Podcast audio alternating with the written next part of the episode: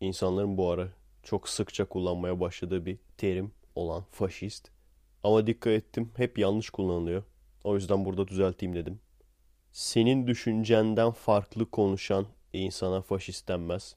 Senin düşüncenden farklı konuşan insana saldırana faşist denir. Yani senin gibi. Ben faşist miyim? Senin evine gelip hayır eylem yapamazsın, hayır bu şekilde düşünemezsin demişliğim var mı?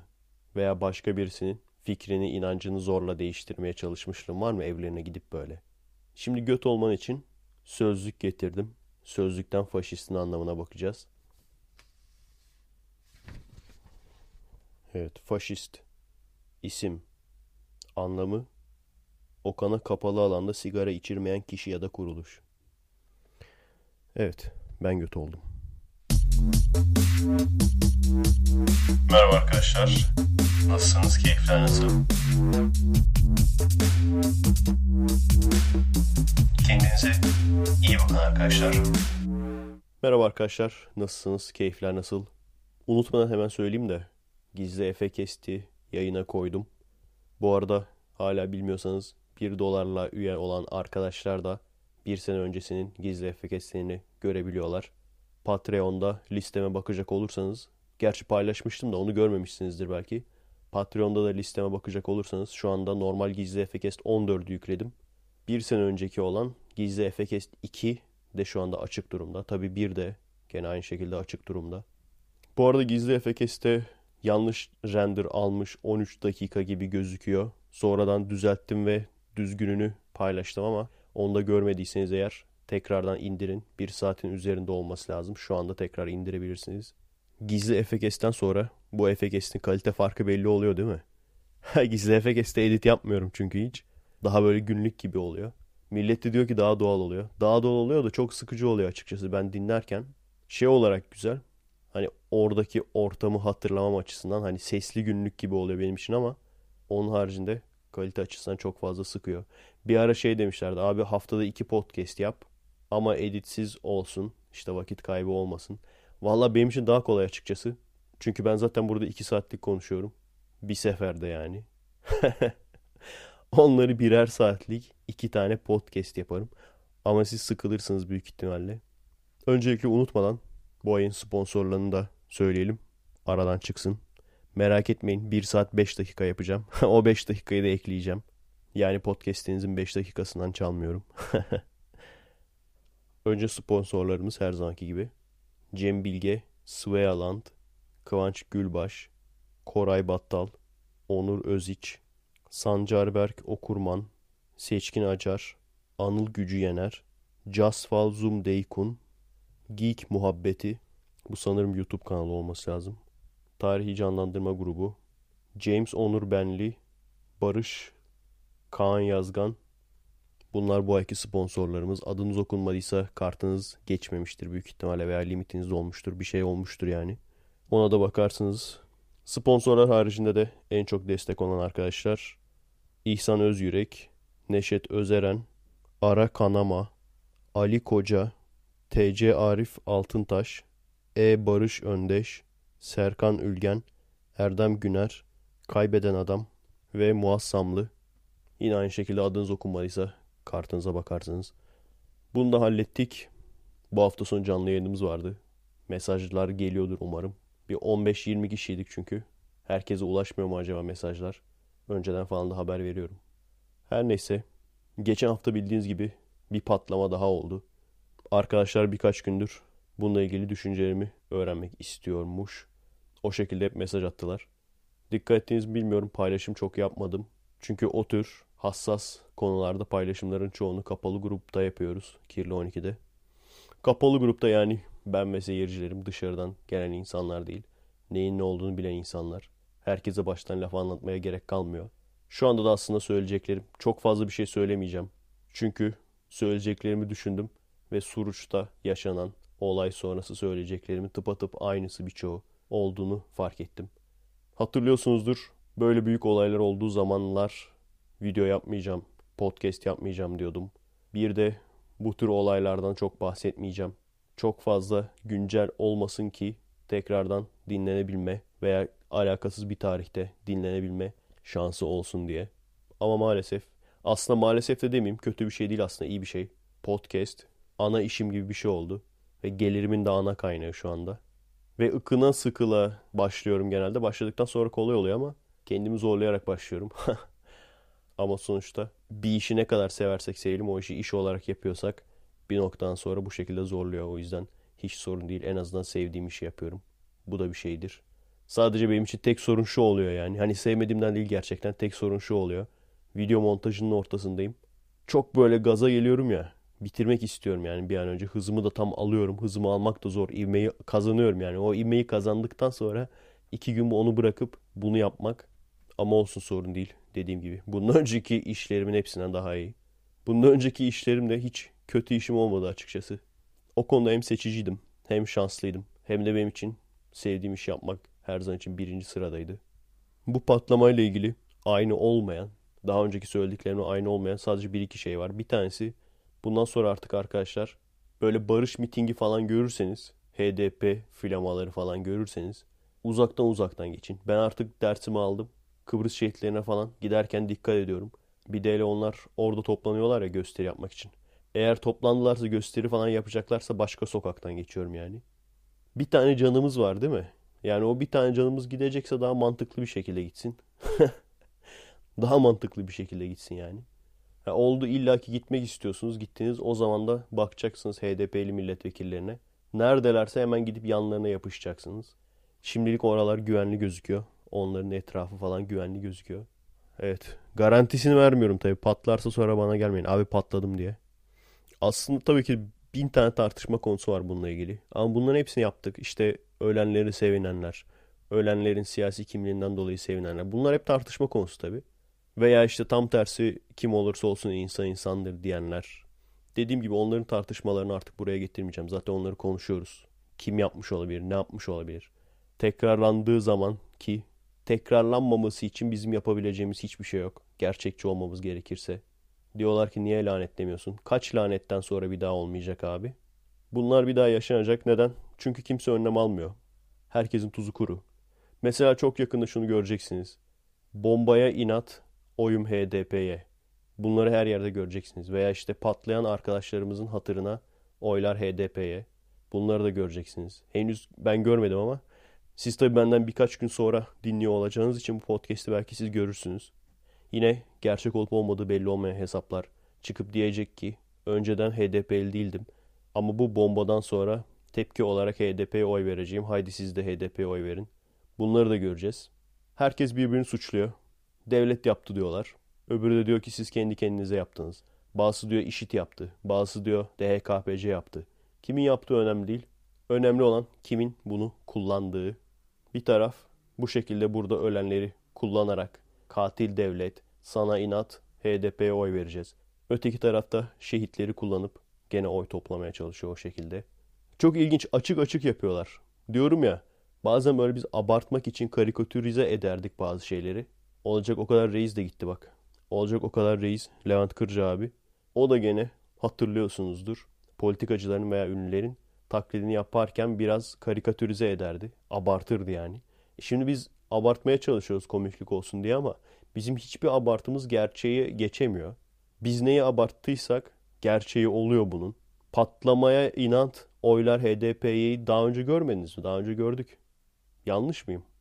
Mesela ben o zaman deseydim ki bunu bahane edip oy isterler. Herkes ne kadar çok küfür ederdi bana. Bunun haricinde mesela bir tartışma konusu daha. Birisi de şey demiş. Ankara'daki bombacının heykelini dikelim desek siz neler hissedersiniz? Veya Ankara'daki bombacıya, Ankara bombacısına önderimiz desek, Ankara bombacısı ezilen halklar için yaptı bu eylemi desek veya Ankara bombacısına laf ediyorsunuz, ona laf ederken şunlara niye laf etmiyorsunuz desek, mesela şehitlere niye laf etmiyorsunuz, şehitlere niye üzülmüyorsunuz desek nasıl olurdu demiş.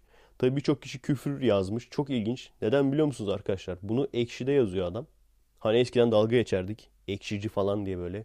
Entel falan diye böyle. Bizim ekşici karakterimiz var hatta biliyorsunuz astronomi serisinde. O devam edecek. Onu çok sevmişler. Ben de videoda da beğendim baya. Güzel bir renk katmış. İleriki astronomi bölümlerinde de devam edecek. Ama artık gerçekten ekşinin boku çıktı inci sözlüğe dönmüş.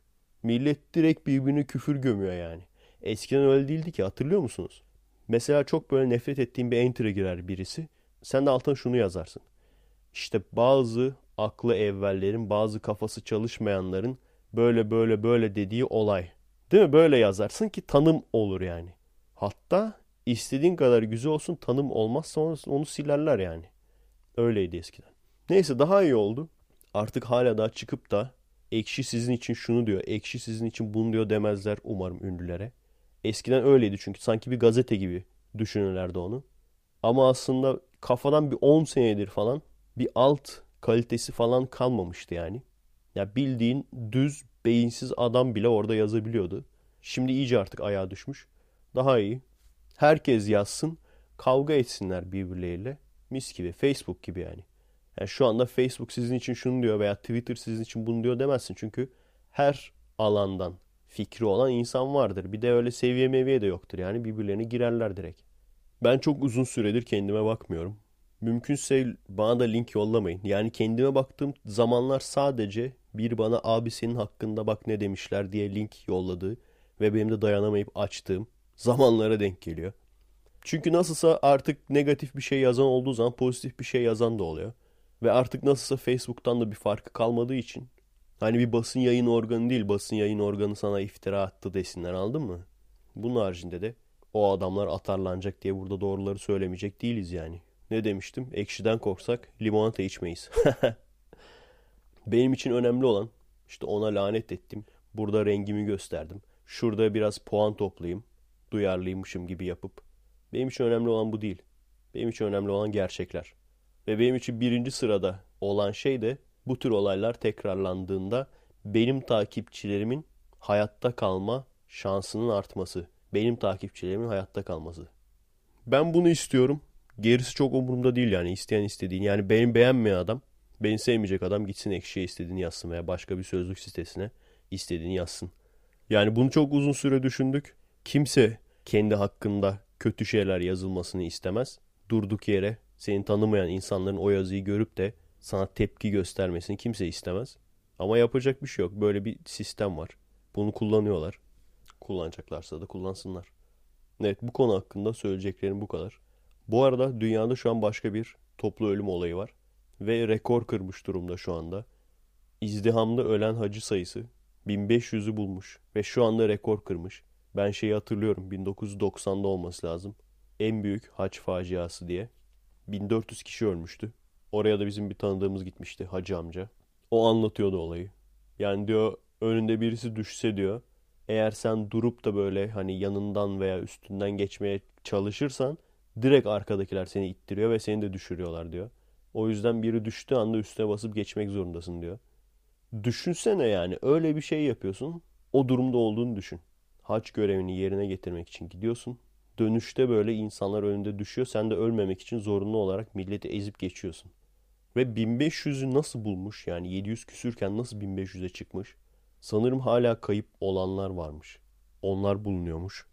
Bunun haricinde başka bir şey var mı bilmiyorum. Çünkü yani 700 kişi öldü. Bir 700 kişi daha nasıl kayıp olabilir? Bilmiyorum. Belki kayıplar haricinde başka şeyler de vardır. Sonuçta yani bak bu ihmalden, ilgisizlikten olan bir olay. Ve rekor ölümle sonuçlanıyor. 1500 kişi. Gördünüz mü oradaki insanları? Bir de millet bakıp seviniyor. Keşke biz de böyle ölsek diyorlar. Ne kadar rezil bir ölüm şekli gördünüz mü? Kürekle atıyorlar ya cesetleri.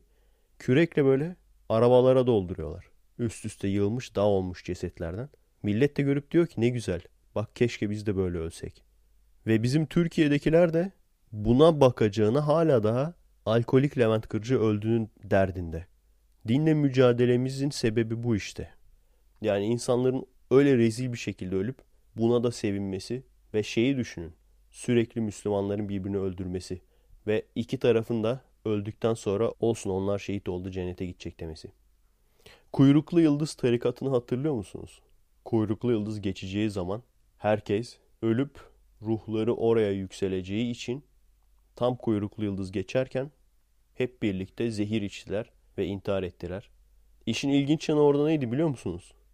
Bu kuyruklu yıldız tarikatının başı da o da intihar etti. Yani insan şey der değil mi? Bunları işte dolandırıyor. Belki de ne bileyim öldürüp paralarını alacak. Ama başları da intihar etmiş. Yani kısacası akıl hastası bir adamı, akıl hastası bir adamı abi. Onlarca insan bunların hepsinin birden akıl hastası olmasına imkan yok. Ama akıl hastası bir adamı onlarca insan takip ediyor ve kendi kendilerini bu adamın söylediği sözlerden sonra öldürüyorlar. İnsan beyni gerçekten çok acayip. Aynı şekilde insan psikolojisi gerçekten çok acayip. Peki şöyle mesela bir beyin jimnastiği yapabiliriz. Şu anda şey derler ya işte ılımlı Müslüman, laik Müslüman. Bu neyden kaynaklanıyor sizce? Veya bunları saymazsak eğer sadece bu işte hacda ölüp de ölünce sevinen insanların zihniyetinde olan yani o kadar aşırı dinci olan kişiler olsaydı kuyruklu yıldız tarikatıyla aynı kötülükte olur muydu? Bence olurdu. Kuyruklu yıldız tarikatının tek farkı sayısının az olması. O yüzden ona tarikat diyorlar. Mesela düşünecek olursak büyük ihtimalle sayı olarak, kişi olarak çok büyüseydi sizce onların içinden de şey çıkar mıydı? Mesela ben ılımlı kuyruklu yıldızcıyım. Bence kesin çıkardı. Şey olabilirdi mesela. Ben ılımlı kuyruklu yıldızcıyım. Ben sadece uyutucu hap içiyorum. Veya ben kendim zehir içmiyorum. Burada bir koç getirdim. Koça içiriyorum zehiri.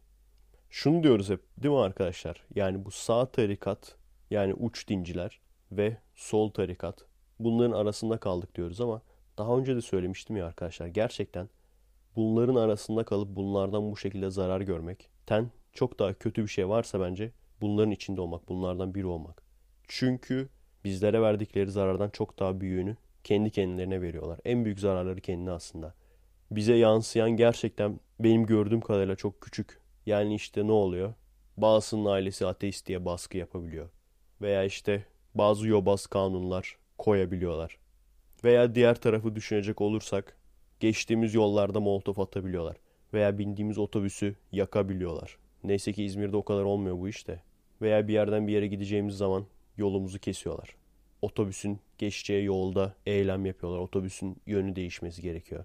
Bunlar küçük şeyler hep. Ama bir de gerçekten bunlar tarafından kandırılıp bunların içinde olmak var. Şu anda büyük ihtimalle işte dışarıdan sesler geliyor. Büyük ihtimalle devrim gelecek diye gene polisle kavga ediyorlar. Bu sefer de işte o ölen insanları bahane edip. Veya işte diyorum yani bazen küfür yazıyorlar. Mesaj atıyorlar. Rahatsızlık verici şeyler söylüyorlar. Veya işte sözlük sitelerinde atarlanıyorlar falan. Evet bunlar rahatsızlık verici ama gerçekten kendilerine yaptığı zarar yanında gerçekten çok ufak.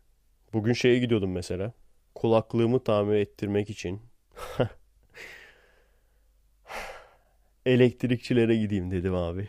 Biliyorsunuz benim elektrikçilerle maceralarımı hep anlatıyorum burada. Burada insan tamam mı kendini hadi izole edeyim diyorsun. Çok fazla dışarı çıkmayayım. Çıktığım zaman gittiğim yerler belli falan diyorsun. Bazen de böyle Çankaya'ya konağa falan inmen gerekiyor. Orada şeyleri falan gördüm yoldayken. Size de yapan oldu mu? Milletin arabasını böyle ön camını köpüklüyor. Tamam mı? Köpükle temizleyecek ya. Para vermezsen silmiyor abi. Zorunlu olarak para veriyorsun. Kaç tane arabaya yaptı biz kırmızıda bekliyorduk otobüsün içindeydim ben. Oradan seyrediyorum. Arabanın sahibi eliyle gelme gelme yapıyor böyle ısrar ediyor yani. Adam hiç takmıyor bile ve başı belaya girmemek için 1 lira veriyor. Ve onu yapan adam size daha önce anlatmışımdır. Buluşmada bir dilenci geldi. Ondan sonra para vermeyince atarlandı demiştim ya. Kirli 12 buluşmasında. Aynı adam abi. Onu gördüm geçtim. Ondan sonra oradan Çankaya'da elektrikçilere indim. Bu sefer bir gelişme var abi. İşimi halledemedim. Ama kavga da etmedim. Evet. Zaten gerçi onlarla kavga etmiyordum ya artık son birkaç senedir. Ama o zamanlar şeyi düşünüyordum işte. Sabredeyim nasılsa gideceğimi düşünüyordum. Şimdi onu da düşünemiyorum artık. Umarım yavaş yavaş birikmez. Hani benim bu kendimi bilmediğim bir ülke de olsa yani şöyle dışarıya fırlattıran olay bunların hepsinin birikmesiydi. Hele ki havada ısınınca her şey çok daha çekilmez olacak diye tahmin ediyorum. Haftanın başka bir önemli olayı biliyorsunuz Türk bilim adamı Aziz Sancar. Hala da yabancı bazı sitelerde Kurdish Scientist diye geçer. Şimdi bu ırkçılık değil mi abi? Neden biliyor musun? Adamın Türk bayrağının önünde fotoğrafları var. Adam ısrarla ben Türk'üm diyor. Etnik olarak veya genetik olarak Kürt olabilir. O önemli değil. Ama milliyetçilik neydi abi? Efendim faşistlik mi? hala daha bakın hala daha gelip de bana niye ırkçılık yapıyorsun diye mesaj atan var. Ve aramızda kalsın. Gerçekten işe yarıyor beni yıpratmak için. Bunlardan böyle 100 tane olunca bu adamlar biliyorsunuz zaten hani kafalar çok fazla çalışmıyor ama 100 kişi falan aynı şeyi söyleyince yıpratabiliyorlar yani. Sayı olarak benim o kadar çok değil. Ben biliyorsunuz arkadaş diktatörü bir adamım. Facebook'ta falan direkt blokluyorum yani. Bu tür şeylerin yarısını bile söyleyenleri. Bunu da çekinmeden söylüyorum. Birçok kişi diyor ki işte ben herkesi kucaklıyorum. Cidden kucaklıyor musun abi? Gerçekten helal olsun o zaman. Çok fazla boş vaktim varmış. Kucakladığın insanlarla her gün polemiğe girebilecek kadar bu kadar boş vaktim varsa helal olsun abi. Araştırma görevlisi falan mısın? Araştırma görevlileri atarlanması. Bizim orada vardı bir tane. Solitary araştırması yapıyordu. O zamanlar Facebook yoktu tabi. Solitary araştırması yapıyordu. Ondan diyorum yani. Yoksa hemen kızmayın. Araştırma görevlilerine bir şey mi diyorsun falan. Zaten hala da osuruktan nem kapan seyircim var mıdır ya? Artık onları açtık diye tahmin ediyorum. İlk başlarda oluyordu. Sonra işte onlar geldi gitti falan temizlendi falan. Ayıklandı. Çok öyle olacağını sanmıyorum. Ama olsun gene de ben diyeyim. Ondan sonra ekşiye çıkmayalım gene. Araştırma görevlilerine hakaret eden Efe Aydan. şey falan diyor işte adam. Bana diyor ki ben diyor tarafsızım diyor. Ben diyor işte olaylara tarafsız bakıyorum. Ne sen gibiyim diyor bana. Ne sen gibiyim ne de işte bu HDP'liler gibiyim. Bunu çok alıyorum ha. Ya kafadan bir 10 küsür kişi demiştir bunu veya yazmıştır. Abi gerçekten hala anlamıyor musunuz ya? Bakın Bilal bile anladı. Bilal kim diyecek olursanız bizim mahallede Bilal diye birisi var. Yanlış anlaşılmasın. o bizim mahalledeki Bilal bile anladı yani. Çağırayım o anlatsın isterseniz. Bak Türk bayrağını tamam mı? Bir tane sembol gösteriyorum. Başka şey de olabilir. Ben Türk bayrağını gösteriyorum sembol olarak. Bu bayrağı seven herkes Türktür. Bitti. Bitti abicim. 800 kere bunu söyledik. 800 kere söyledikten sonra hala gelip bana ırkçı diyorlar. Veya işte diyorlar ki aa ben tarafsızım ben ne senin gibiyim ne HDP'liler gibiyim. İyi peki güzel kardeşim. Sana HDP'lilerle kavga ederken bol sabırlar ve bol zamanlar abi. Çünkü bu insanların yani bizi anlamayan, bizi hala daha bir uç sanan insanların da gene zararı kendine neden? Gerçekten herkes kucaklanabilecek sanıyorlar. Dediğim gibi vaktiniz varsa yapın. Ne zaman şöyle dışarıdan arbede sesi tak tak böyle gaz fişeği falan da oluyor ya. O şekilde arbede sesi falan duysam bir yarım saat sonra içeriye bir osuruk kokusu geliyor. Tam osuruk kokusu da değil de halka pınar kokusu diyelim. Öyle bir koku geliyor. Adamlar acaba şeyden mi kesti? Ödenekten mi kestiler? Gaz yerine gaz yerine nasıl bir gaz atıyorlar abi? Doğal gaz atıyorlar herhalde. Gaz fişeğinin içinde. Olmasa da olur gaz fişeği. Şey vardı ya öyle reklam vardı. Darüşşafaka'nın mıydı? İşte ikinci bir çanta alıyor. Kadın tam alacak. Hadi diyor almayayım olmasa da olur diyor. Onun parasını vereyim. İşte bir tane adam mesela ikinci bir takım elbise alacak kendine. Hadi diyor bunu almayayım. Tek takım elbiseyle gezer ya herkes. Herkese faydalı çünkü. Amerika'ya gitmeden önce orada iş görüşmelerinde lazım olur diye bir takım elbise almıştım. İlk defa buraya geri getirdim. Burada giydim abi. Çekime o da. Her neyse bu tür böyle işte ikinci bir takım almayalım, ikinci bir çanta almayalım. Bunun parasını yardım kuruluşlarına verelim. Olmasa da olur. Bir de hashtag yapmışlar. İyi çok güzel de burası Türkiye abi. Ben de bir hashtag yaptım. Aksaray'ı koydum. Üstüne hashtag yazdım. Olmasa da olur diye. Yani adamın bin odalı saray yaptırdığı ve sadece şey ya işte. Hani bakın ben padişahım. Nasıl da padişahım ama demek için. Böyle bir ülkede Diyorsun ki sen ikinci çantayı alma. Nasıl olacak o iş? Kardeş. Bu arada çok ilginç. Aziz Sancar hakkında konuşacaktım. Konu nasıl dağıldı gitti gene lan. Freestyle. Aziz Sancar hakkında konuşacaktım. Bir site şöyle bir şey yazmış. Çok güzel bir tartışma konusu olabilir. Eğer Aziz Sancar Türkiye'de kalsaydı Nobel alabilir miydi diye. Evet tartışma konusu bu değil. Bu çünkü tartışmasız yani tartışmasız alamazdı. Neden? Neden hadi söyle. Çünkü gizli mason lobisi ülkemizin son 10 yıldaki inanılmaz kalkınmasını kıskandığı için arkamızdan gizli plan kurup bilim adamlarımızın Nobel almasını engelliyor. Birkaç bir şey yazmışlar. Aklımda kalanları söyleyeceğim. Neden? Çünkü doğru olmakla birlikte eksik. İşte demişler ki kadrolaşmadan dolayı kendisine kadro bulamazdı. Doğru. TÜBİTAK çalışmalarını değerli bulmazdı ve o yüzden TÜBİTAK'tan ödenek alamazdı. Büyük ihtimalle bu da doğru. İşte yandaş olmadığı için bölümden atılırdı falan. Birkaç tane böyle yazmışlar. Ama bazı eksikleri var. Eksiklerini de ben tamamlayayım. Mesela bir kere her şeyden önce sanırım ülkücü fotoğrafı var. Sırf o fotoğraf yüzünden hem yandaşlar tarafından kadro bulamazdı hem de direkt sol tarikat öğrencilerinin hedefi olurdu. Bu ikinci söylediğimi insanlar yazmaya cesaret edemiyorlar. Aşağıya küfür falan yazarlar bize tepki göstermesinler diye. Ama bu da bir gerçek. Adam diyelim ki eski ülkücü falan da olmasın. Hiçbir şey olmasın tamam mı? Siyasetle hiçbir alakası olmasın. Gidip ders vermeye çalıştığı zaman üniversitede bazı günler gidip görecekti ki sınıfların altı üstüne gelmiş. Birkaç öğrenci toplanmış, diğer öğrencileri içeriye sokmuyor. Ondan sonra istediğin kadar siyasetin dışında ol. Nereden biliyorum? Ben bir bilim adamı değilim ama bilimi gerçekten seven, bilimle ilgili bir şeyler yapmaya çalışan, filmciliği seven ve filmcilik derken de böyle siyasi filmcilik falan değil yani. Bilim kurgu, aksiyon, korku, komedi bu tür şeyleri seven, bu tür çalışmalar yapmaya çalışan ve gerçekten siyasi olarak böyle bir aktifliği olmayan bir insanım ben aslında. Benim bile kendi yaşadıklarımı biliyorum. O adam bunun çok daha fazlasını yaşardı büyük ihtimalle. Gelip sorardı mesela arkadaşlar niye sınıfın altını üstüne getirdiniz falan diye. Bilimsel eğitim istiyoruz. Bilimsel ve kaliteli eğitim için. Hadi bakalım buyur. Ne yapacaksın? Ve tabii o ülkücü fotoğraflarını gördükten sonra ona da saldırırlardı. Bilim adamı olmuş ama insan olamamış. Hümanist olamadıktan sonra bilim adamı olmanın ne anlamı var? Tabii adamın yaşadığı yerde hümanistin anlamı da farklı olduğu için. Size çok ilginç bir şey söyleyeceğim. Oha diyeceksiniz. Seattle'dayken bazı gruplar var işte buluşup bir araya geliyorsun. Aynı ilgi alanına sahip insanlarda. Orada ben mesela Hümanistler grubuna üyeydim. ne kadar ilginç değil mi?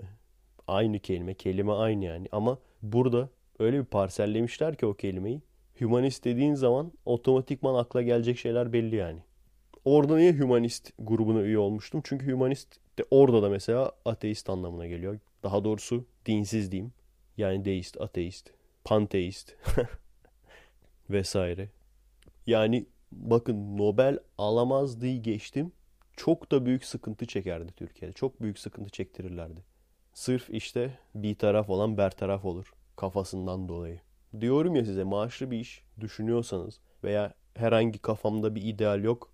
Böyle bir şey düşünüyorsanız yurt dışını en azından bir deneyin. Yani köprüleri yakmayın ama yurt dışını bir deneyin derim. Gerçekten aradaki farkı gördüm ben. Burada gerçekten kıvranıp duruyordum. Oraya gittiğim zaman hem gerçekten 3 hafta içinde ve çok seveceğim bir iş buldum. Bu da oranın taşı toprağı altın anlamına gelmiyor sadece. Aynı zamanda sizin de yapabiliyor olmanız lazım. O yüzden diyorum ya kendini geliştirmek çok çok çok önemli. Dil sahibi olmak çok çok önemli. Bunu bugün belki fark etmeyebilirsiniz ama diyorum ya size yani satranca merak sarmıştım. O sardığım merakım bile faydasını görmüş oldum. Burada gerçekten doğru düzgün para kazanamıyordum. iş bulamıyordum. Oraya gittim. Baş tacı oldum. Çok kısa bir sürede.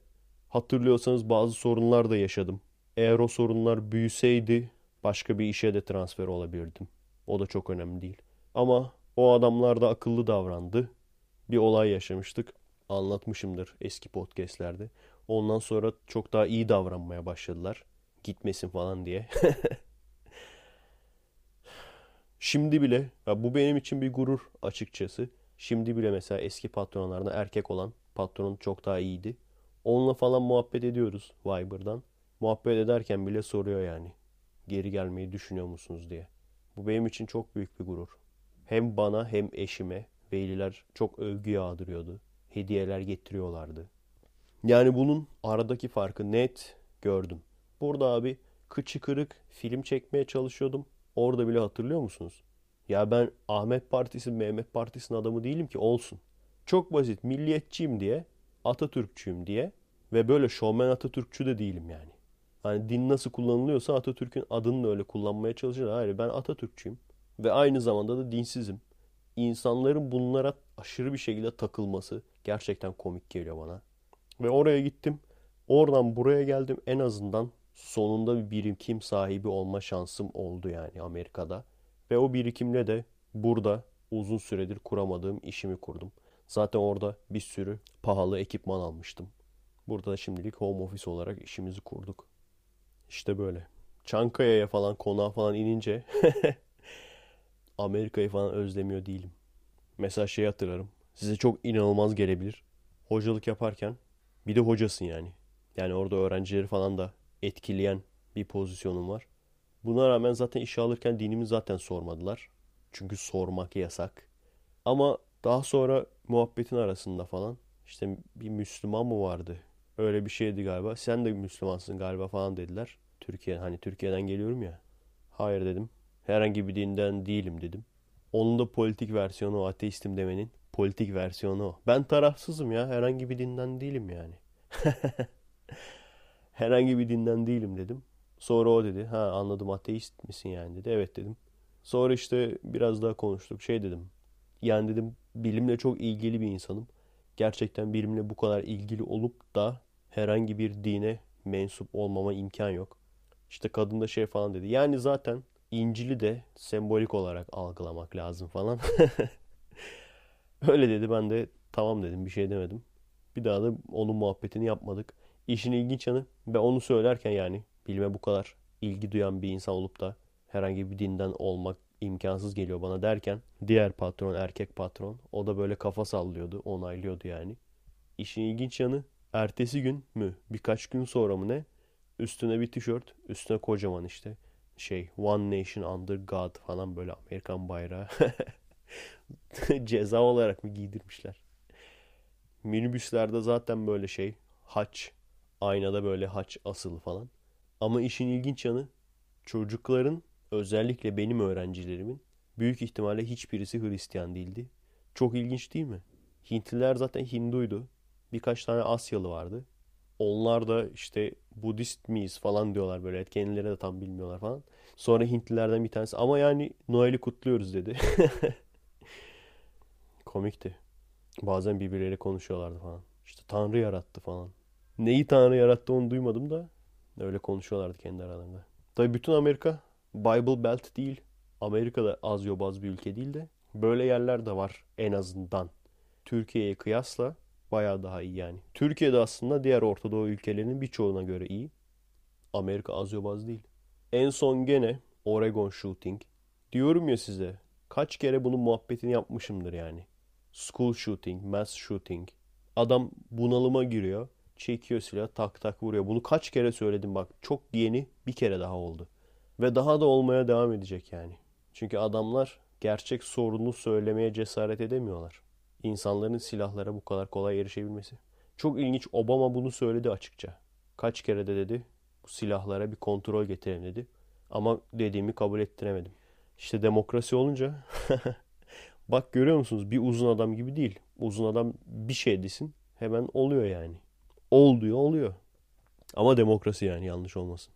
Demokrasi oy verme hakkına sahipsin ama oy vermezsen seni atarım. Disipline yollarım, atarım seni. Bu olayda bile birisi işte bir okula gelmiş. Okuldakileri teker teker vurmuş. Sonra kendisini vurmuş. Klasik. Bu olayda bile hemen oranın dincileri ajitasyona başlıyor. Hristiyanlar saldırı altında. Hristiyanlar saldırı altında diyor lan. Çok ilginç. Bizim Türkiye'deki gibi. Şimdi bizim Türkiye'de dinle ilgili bir şey diyecek olsan derler ki bu ülkenin %99'u Müslüman. Sen %1'sin. Beğenmiyorsan defol git. İyi güzel de ölen her insanın arkasından kafirdi geberdi diyorsunuz. Bu kaçıncı oldu abi? Levent Kırca da öldü. Onun arkasından da alkolik Levent öldü dediniz. Yani herkes bu kadar kafirse o zaman bu %99 kim? Yani dinlerin esas sorunu burada başlıyor arkadaşlar. Herkes diyor ki dinler faydalıdır çünkü insana yalan da olsa bir hayat amacı verir. Bir umut verir öldükten sonra iyi bir yere gideceğine dair. Ama işte sıkıntı şurada. Bunu veriyor da bunu verdikten sonra bu haklardan faydalanabilmek için yani öldükten sonra o güzel yere gidebilmek için bir sürü şey yapman gerekiyor. Ve ondan sonra bir bakıyorsun bütün hayatını buna adamışsın. Normal başka bir şeye vaktin kalmıyor. Diğer her şey ikinci plana atılıyor. Şimdi gerçekten kaybedecek bir şeyim yok diyebilir misin? Yani eğer yoksa, öteki dünya diye bir şey yoksa ve ben buna inanarak yaşıyorsam benim kaybedecek bir şeyim yok diyebilir misin gerçekten? Gerçi insanların hayatı nasıl değerlendirdiğine, zamanını nasıl değerlendirdiğine bağlı. Çok küçük bir parayla bahis oynadın diyelim 1 lirayla. Ama gittikçe kazanıyorsun, gittikçe de bahise harcadığın zamanın da artıyor. Daha çok kazanıyorsun, daha çok kazanmak için daha fazla işte maçları takip ediyorsun vesaire. Bir bakmışsın full time bu işi yapıyorsun ondan sonra. Sonra bir sene böyle gidiyor. Bir seneden sonra bütün paranı kaybediyorsun. Şunu diyebilir misin? Önemli değil. 1 liram gitti sadece. Bunu diyebilir misin? Veya kaybettiğim bir şey olmadı diyebilir misin? O full time bu işe harcadığın vakitle kim bilir başka neler yapabilirdin? Vakit kalırsa bugün ya da yarın Kaptan Amerika Winter Soldier'ı seyredeceğim. Daha seyretmedim. Çok ilginç bir şekilde bir sürü kişi çok iyi film diyor. Bakalım göreceğiz. Marvel gerçekten filmlerde coştu. Bir tane şey yapmışlar. YouTube'da görürsünüz. Lego Marvel Super Heroes diye. Lego'dan karakterlerin animasyonları ama baktığınız zaman ulan ne kadar çok varmış diyorsunuz. Çünkü bir Avengers'la başlıyor. Ondan sonra Spider-Man. Ondan sonra X-Men. Ondan sonra Fantastik Dörtlü. Düşünecek olursanız ne kadar çok karakter varmış lan. Gruplu gruplu böyle. Bundan önce zaten X-Men'in Days of Future Past yani sonuncu bölümünü seyrettim. O da bayağı iyiydi. Mesela şey ne kadar kötüdür lan. Öyle bir dünyadasın. Yani insanların yarısı mutant oluyor. Mutant olmuşsun ama tırt bir mutant olmuşsun. Kesin bize o denk gelirdi abi. Bahtsız bedevi style'a. Orada şey falan vardı. Toad. Düşünsene mutansın. Hem de mutant olduğun için tipin falan da böyle artık acayipleşiyor. Özelliğin ne dilin uzuyor. Gerçi o bile o kadar kötü değil ya. Onun da akrobatik özellikleri var. İyice tırtlar var ya. Elinden bir şey atıyor falan. bir tabanca alsa aynı şey yani. Hatırlıyor musunuz onu? Elinden böyle diken gibi bir şey atıyor. Mutasyon özelliği o. Hiç mutant olmamak daha iyi yani. Öyle tırt mutant olacağına. En azından bir ümidin olur. Günün birinde ben de belki mutantlaşırım falan diye. Şey gibi işte aynı ya. Eskiden şöyle bir şey vardı. Bir kızla çıktığın zaman ya işte hiç yoktan iyidir ama idare ediyor falan. Şu an var mı bu bilmiyorum. Ama işte abi idare ediyor hiç yoktan iyidir. Kız da olsa erkek de olsa. Bence bu kötü mutant olmak gibi bir şey. Yani sap olmaktan daha kötü bence. Çünkü kısmetin de kapanmış oluyor. Umarım aşmışızdır bunu arkadaşlar. Ya işte hiç yoktan iyidir, idare eder. Yalnız takılmaktan iyidir falan. Değil arkadaşlar. Hiç yoktan iyidir diye biriyle takılmak kötü mutant olmak gibidir. Hele ki geçen haftada söylemiştim ya. Evlenme yaşım geldi başkasını da bulamadım bari şununla evleneyim demek. Baskılara boyun eğmeyin. Ailenizin baskılarına boyun eğmeyin. Elektron gibi olun. Madem film köşesinden girdik. Hatırlıyor musunuz Interview diye bir film çıkmıştı geçen sene. Baya tartışma konusu olmuştu. Kavga gürültü. İşte Kuzey Kore hackleriz, bombalarız bilmem ne tehdit etmişti böyle. Sanırım sinemalarda gösterilmedi mi? Nasıl oldu hatırlamıyorum. Galiba gösterilmedi. Onu seyredecektim. Seyretmeden önce yorumlara bakayım dedim. Yorumlarda bayağı saydırmışlar filme. Hani şey değil, tepki göstermek için değil de şey falan demiş herkes. İşte bu kadar hakkında konuşuldu, yazıldı, çizildi. Biz de büyük bir film sandık meğer hiçbir şey değilmiş. Salaklara hitap eden böyle işte ergen esprileri olan saçma sapan bir film falan. Herkes öyle yazmış. Hem IMDB'ye, Rotten Tomatoes'a falan. Lan dedim ne oluyor? Hayal kırıklığına uğradım gerçekten. Sonra gene de Seth Rogen'ı sevdiğim için oturdum seyrettim. Ve gerçekten kötü bir şey bekliyordum. Çünkü aslında film kötü olmaya çok müsait. Amerika'nın sevmediği böyle bir diktatörle ilgili film yapıldığı zaman özellikle de komedi filmi ise iyice bokunu çıkartabiliyorlar. Ama kesinlikle bence iyi bir filmdi. Özellikle Seth Rogen seviyorsanız kesin seversiniz diye tahmin ediyorum. Sadece birkaç yerde böyle salakça zorlama espri vardı. Onun haricinde çok abartı komik değil güldüğüm yerler de oldu ki gerçekten ben artık neredeyse hiçbir filme gülmüyorum. o yüzden bir iki tane böyle yere gülmem bile çok büyük bir şey aslında. Konuyu falan iyi yapmışlar yani. Hani direkt böyle Kim Jong-un'u gerizekalı gibi göstermemişler. Fazla da spoiler vermek istemiyorum. Ama merak ettiyseniz filmi ve birisi de işte abi seyretme falan dediyse kesin seyredin. Bence gayet iyi bir filmdi yani. Biraz da şeye güvendim. O film yorumcusu eleman var demiştim ya. Videoları var. Film yorumluyor. O da şey demişti mesela hani başıyla sonu güzel komik ortalarda biraz yavaşlıyor zorluyor falan demişti. Ben onu da dikkat etmedim açıkçası. Yani böyle sıkıldığım seyretmekte zorlandım. Hani ya resmen şey demiş adamlar. Son Adam Sandler filmleri kadar saçma olmuş salakça olmuş. Hiç hiç alakası yok gerçekten. Güvenin bana yani. Güzel vakit geçirten bir film. Bu arada filmlerden devam ediyoruz. Geçen hafta hatırlıyor musunuz? Filinta'dan bahsetmiştim. Ondan sonra da ne demiştim hatırlıyor musunuz? Bir kara oğlana göre çok daha iyi. En azından bir kara oğlan değil falan demiştim. Arkadaş sonra bana bir şey söyledi. Abi dedi Filinta'nın yönetmenine bak. Filinta'nın yönetmenine baktım. Aynı zamanda hangi filmi çekmiş? O çektiği filmin adı Albert Einstein.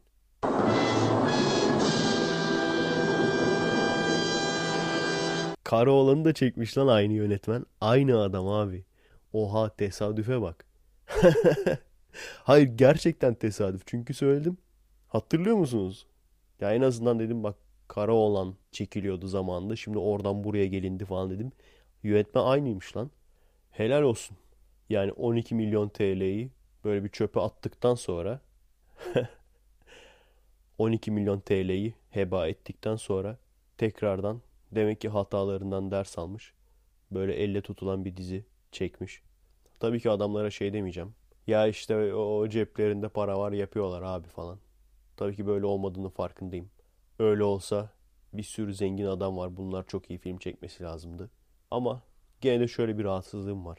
En basit bir kısa film çekerken bile kadromun veya çok böyle her sette olması gereken bazı ekipmanları falan alamadığım için. Çünkü hem lüks sayıldığı için alamıyorum.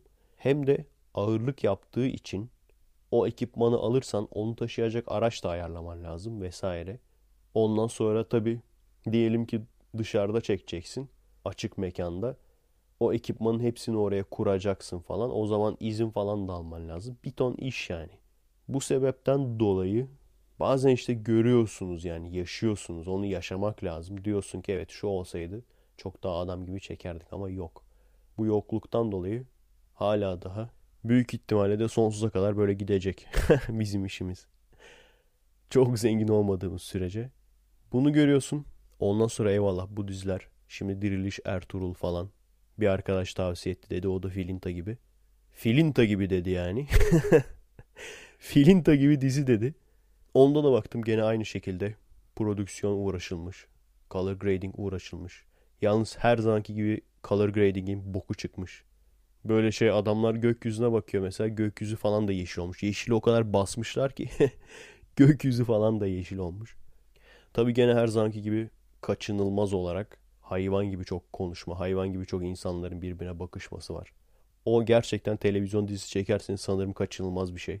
Yani belirli bir uzunlukta olmak zorunda herhalde. Biz de alışkınız tabii. 40 dakikalık böyle Walking Dead'e falan. Adamlar o 40 dakikalık bölüm için 2,5 milyon dolar falan harcıyorlarmış biliyor musunuz?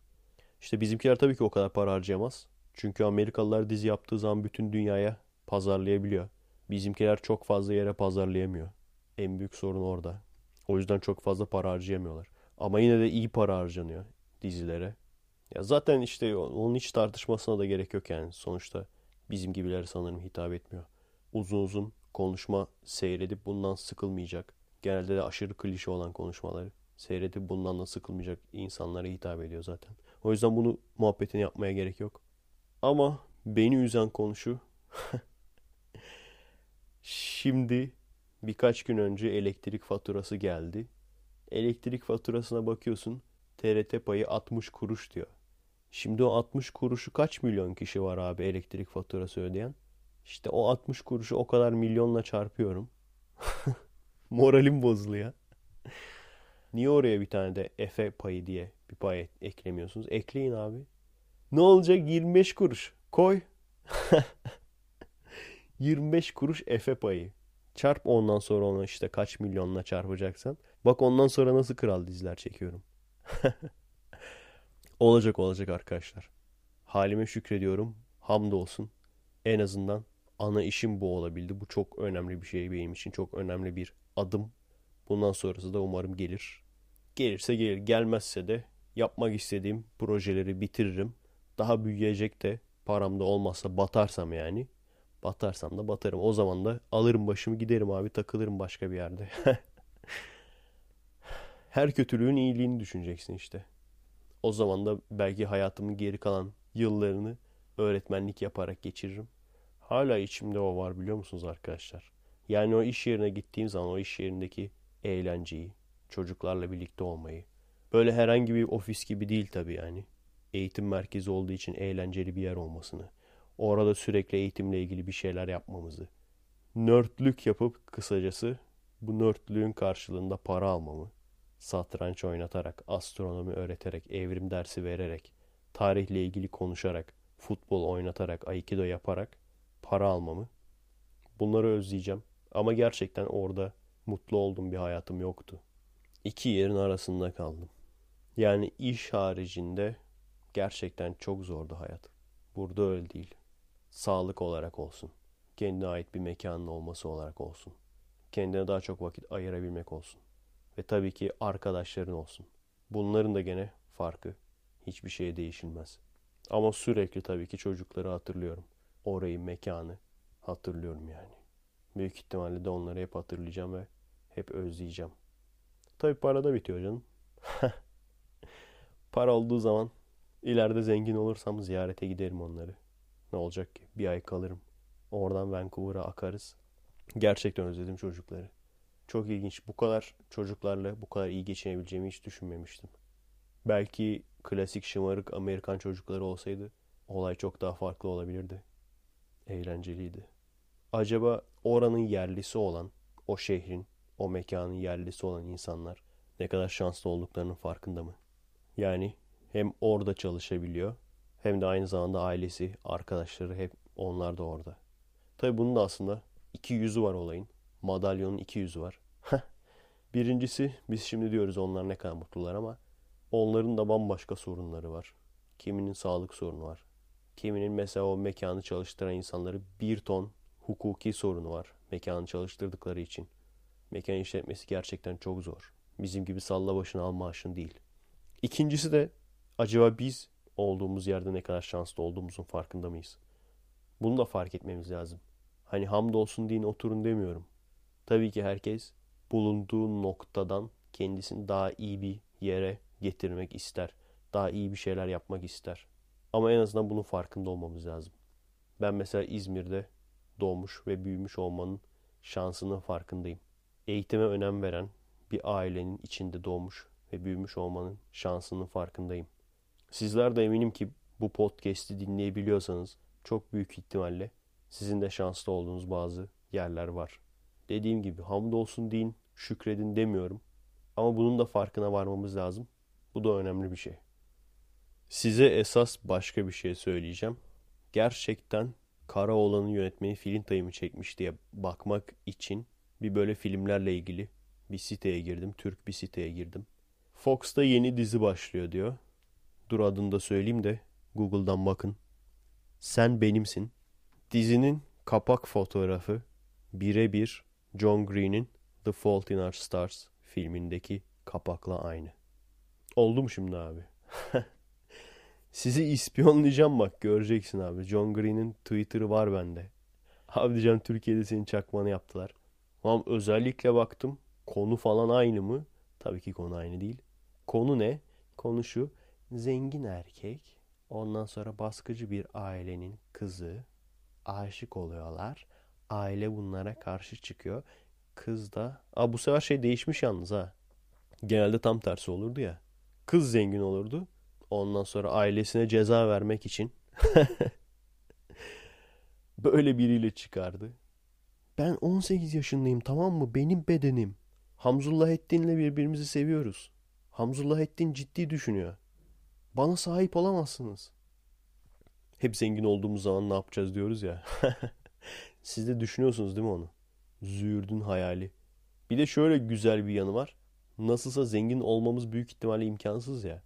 O yüzden hani ulaşamayacağım böyle bir hayal gibi onu düşünebilirsin yani. Çünkü ulaşabileceğin bir şey olsa o zaman bakıyorsun ulaştığın zaman lan bir bokta değilmiş aslında diyorsun. Değil mi? O, olay aslında onun ulaşılmazlığında yani. O yüzden sürekli zengin olma hayali kurarız. Gene canlı yayında Orada da işte şeyi konuşuyorduk. Abi 1 milyon verseler ne yaparsın? Biz de az 1 milyoncu değiliz ha. İşte mesela bazı arkadaşlar şey diyordu. O parayla ufak bir yerde ya ufak bir şehirde ya da ufak bir ülkede ekonominin yani kötü olduğu bir ülkede hayatın boyunca kral gibi yaşarsın. Kocaman bir ev falan yaptırırsın kendine. Alın bu da size bir tartışma konusu. Neden? Ben tam tersini düşünüyorum. Yani ekonomisi kötü bir yerde yani senin elindeki paranın çok daha değerli olacağı bir yerde çok kral gibi yaşamak yerine tam tersi hep Vancouver diyoruz da çok fazla şehir görmediğim için yani. İlla ki Vancouver olmak zorunda değil ama Vancouver bu konuda güzel bir örnek. Yani eli yüzü düzgün olması ve pahalı olması açısından ikisi de var yani.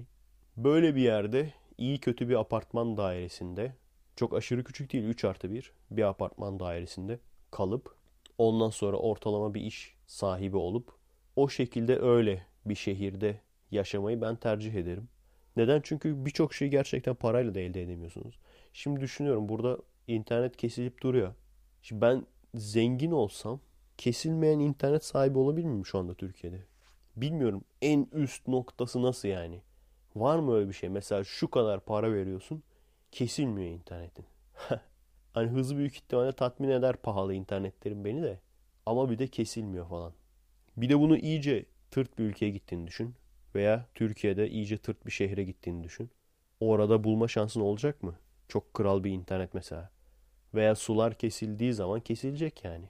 Sen istediğin kadar zengin ol. Elektrik kesildiği zaman kesilecek. Sen istediğin kadar zengin ol. Bir yerden bir yere gitmen gerekirken gene arabanın üstüne 1 liracılar atlayacak. Ve mesela demiştim ya kusursuz şehir veya kusursuz ülke yoktur herhalde. Her birinin kusurları vardır. Büyük ihtimalle vardır. Ama kendini böyle organize bir şekilde arabanın üstüne atan bir insan topluluğu veya araba hayranısın diye. Ben mesela hani çok araba manyağı değilim ama bir noktada illaki araba kullanman gerekiyor. Hani zengin adam olup otobüsle mi gideceksin? Hani ulaşım ne kadar iyi olursa olsun mutlaka araba kullanman gerekiyor. E trafik manyaksa sen istediğin kadar zengin ol. Daha bak İstanbul trafiğine gelmedik. İzmir trafiğindeyiz daha. Trafik manyaksa sen istediğin kadar zengin ol. Ne yapacaksın abi? Uçacak mısın arabayla? Anlatabiliyor muyum? O yüzden son model arabayla trafikte manyak insanların olduğu, park yerinde arabanın çizileceği, yolların dar, araçların sıkış tepiş olduğu bir şehirde yaşayacağına son model olmasın abi. Gene de el yüz düzgün, konforlu bir sürü arabalar var. Çok aşırı pahalı olmayan yani. Öyle bir araba sahibi olup ama yolların mesela Amerika'da müthiş diyorlar. Vancouver'da da iyiydi. Trafikteki insanların manyak olmadığı, çok net bir fark yani o çok net. Trafikteki insan. Bakın çok acayip bir şey söyleyeceğim size. Oha diyeceksiniz. Söylemedim sanırım bunu. Mesela gece diyelim yollar boş. Uzaktan bir araba görüyorsun. Araba ışığı görüyorsun. Normal hızda geçiyor abi. Yollar bomboş olmasına rağmen akşam geç saat olmasına rağmen normal geçiyor abi araba. Ona hala alışamamıştım. Çünkü abi bizde nasıldır? Boş yolda böyle gece geç saatte uzaktan bir ışık gördüm o araba 500'de geliyor o araba ışık hızıyla geliyor. Sen o ışığı gördüğün anda aslında o araba geçmiş bile. Işığı arkadan geliyor. Arabanın ışığı arkadan geliyor. Çünkü abi yani boş yol kaptır git abi. Ne olacak ki? Önüne bir şey atlayacak değil ya. Yaya falan geçecek değil ya. Bas abi 300 bin kilometre bölü saniyeye. Işık hızıyla gidelim ne olacak ki? Eve gitmeden önce dünyayı 12 kere turlarız. Ve tabii ki bu adam zenginmiş deyip sürekli senden para istenmeyeceği ve bu adamlardan korunmak için evini müthiş güvenlikle donatman gerekmeyeceği. Çünkü 1 milyon TL'ye pahalı bir şehirde zengin bile sayılmıyorsun açıkçası. Hani adam seni kaçırmaz. Zaten yaşadığın apartmanın güvenliği falan vardır. Ama onun haricinde de seni zengin sınıfına koyup kaçırmaya falan çalışmaz yani. Bu arada bir şey diyeceğim 1 milyon TL çok büyük bir para gibi gelebiliyor. Ama şey diyorduk abi onun faiziyle yaşarız ya falan. Yok Vancouver'da merkez merkez böyle en merkezde falan alamıyorsun abi. Ne ev alabiliyorsun ne de onun faizi kiraya yetiyor. İkiz de olmuyor yani. Yani o 1 milyon TL ile ev alamıyorsun abi. Apartman dairesi falan da alamıyorsun yani. Merkezi bir yerde. Faizi de kiranı karşılamıyor. 4000 dolar falan kiralar var. Ne yapardım acaba? Siz ne yapardınız arkadaşlar? ben büyük ihtimalle şu anda yani şu anda olsa taşınmazdım. Gezerdim abi paso. Gezerdim. Onu söylemiştim ya podcast'ı ayda bire indirirdim falan. Hani derdim ki para çok önemli değil artık. Belki de maddi durumuma göre Patreon'u tamamen kapatırdım falan. Maddi durumum iyiyse yani. Kafama göre çekim yapardım. Gezerdim falan. Ondan sonra zaten biriken parayla yavaş yavaş orta metraj, uzun metraj gitmeye çalışırdım oradan. Evet, film köşesinden sonra züğürt hayali köşesi. Gerçi hani kendimize züğürt diyoruz da züğürt değiliz yani artık. Rahatız yani. Geçinebiliyoruz. Sadece işte kafamdaki o büyük projeleri yapmak için yeterli maddi imkan yok ama o da zamanla olur. Sonuçta birkaç proje sonra kendimi gösteririm belki. Kendimi gösterdikten sonra biraz daha maddi olarak üst seviyeye çıkabiliriz. Öyle olunca biraz daha iyi bir şeyler çekebiliriz falan. Öyle adım adım gidecek. Züğürt demek tabii olayın esprisi. Her neyse bu iki bölümümüzden sonra bir de bilim bölümü yapmazsak ayıp olur. İnsanlarda şöyle yanlış bir kanı görüyorum. Gözün algıladığı ışıkla ilgili. Diyorlar ki ışığın dalga boyu çok farklı olmasına rağmen gerçekten öyle. Işık nedir arkadaşlar? Işık dalga dalga yayılan bir enerjidir. Cisimlere çarpar, seker. Göz de işte bu ışığı algılayan ve de tabii ki farklı enerjilerde olunca farklı dalga boylarında olan ışıkların dalga boylarına da ayırt edebilen ki biz buna renk diyoruz bir enerji türüdür. Peki kızıl ötesi de denir. Kızıl ötesi de aynı. Işık neyse o. Sadece tek farkı dalga boyu bizim gözümüzün algılayabileceğinden daha büyük. Dolayısıyla enerjisi daha düşük. Frekansı daha düşük. Frekansı daha düşük olduğu için de enerjisi daha düşük. Bizler aslında dışarıya biliyorsunuz ısı enerjisi veririz sıcak olduğumuz için. Ve bu kızıl ötesi. O yüzden termal kamera derler ya. Termal kamera o işe yarar. O ısı enerjisini, o dalgaları tespit eder ve bizim görebileceğimiz bir renge dönüştürür. Ve böylece aslında bizim karanlık sandığımız ama ışıl ışıl insanların dışarıya kızıl ötesi ışık verdiği ortamlarda bize fayda sağlar. Bunun diğer tarafı kızıl ötesinden tabi daha düşük frekans olan radyo dalgaları. Bu da aynı şekilde dalga dalga giden bir enerji. Morun diğer tarafında yani mor biliyorsunuz görebileceğimiz en küçük dalga boyu. Bunun ötesinde de mor ve ötesi X ışınları ve gamma ışınları vardır. Her neyse bunları zaten kabaca anlatmıştık. Şöyle yanlış bir kanı var abi. Aslında yanlış mı yoksa gerçekten kasıtlı olarak mı yapıyorlar bunu? Diyorlar ki görünür ışık aralığı bu kadar küçük olmasına rağmen nasıl oluyor da bizim gözlerimiz tam bunu algılayabilecek şekilde ayarlanmış oluyor. Bu da mı tesadüf? Bunu gördünüz mü hiç? Ben bunu çok görüyorum bu aralar. Çok saçma bir şey bu. Çünkü güneşin verdiği ışık en çok görünür ışık bölgesinde. Ve bizim gözümüz niye evrimleşti? Bu cisimlerden çarpıp seken, dalga dalga yayılan enerjileri tespit edebilmek ve orada ne var, ne renk bunları anlayabilmek için. Gözümüzün zaten evrimleşme sebebi bu. Tabii ki de o yüzden dünyaya en çok gelen ışık türleri olan görünür tayftaki ışınları tabii ki en çok onları algılayacaklar. Yani bu tesadüf falan değil. Tesadüf olsaydı tesadüfen olmuş böyle bir şey de diyebilirdim. Ama o değil. Güneşin en çok verdiği ışık türleri tabii ki bizim gözümüzün de en iyi tespit edebilecek şekilde evrimleşmesini sağlar. Mesela gerçekçi bir X-Men kendi gözünde termal görüş.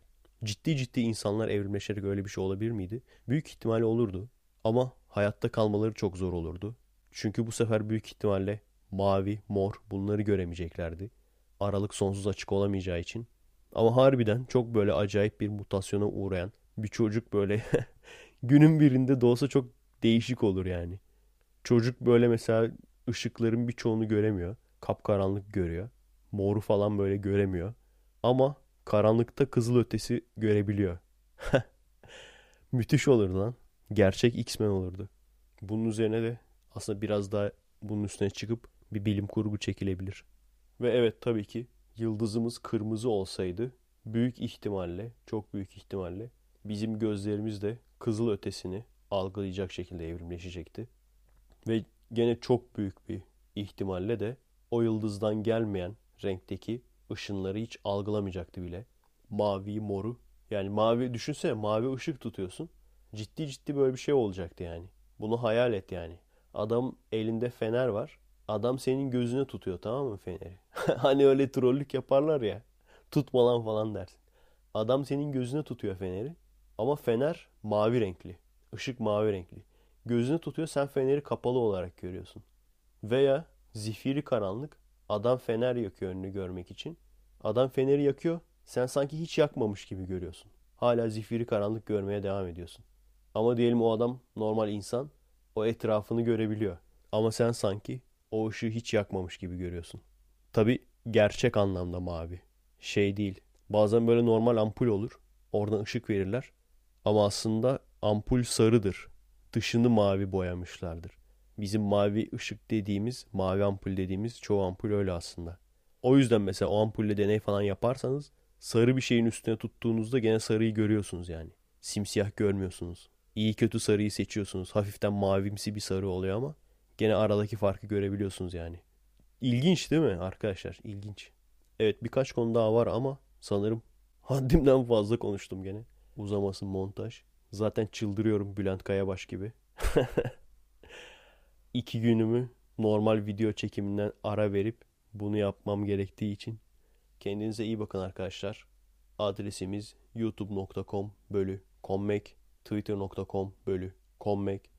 Destek olmak isteyen arkadaşlar için patreon.com bölü Efe Aydal. Kart olmayan ya da zengin olmayan ama destek olmak istiyorum diyenler için de podcastleri ve videoları Adblocks'u seyrederseniz ve paylaşırsanız sevinirim. Haftaya görüşürüz arkadaşlar. Kara olana emanet olun. Merhaba arkadaşlar. Nasılsınız? Keyifler nasıl? Kendinize iyi bakın arkadaşlar.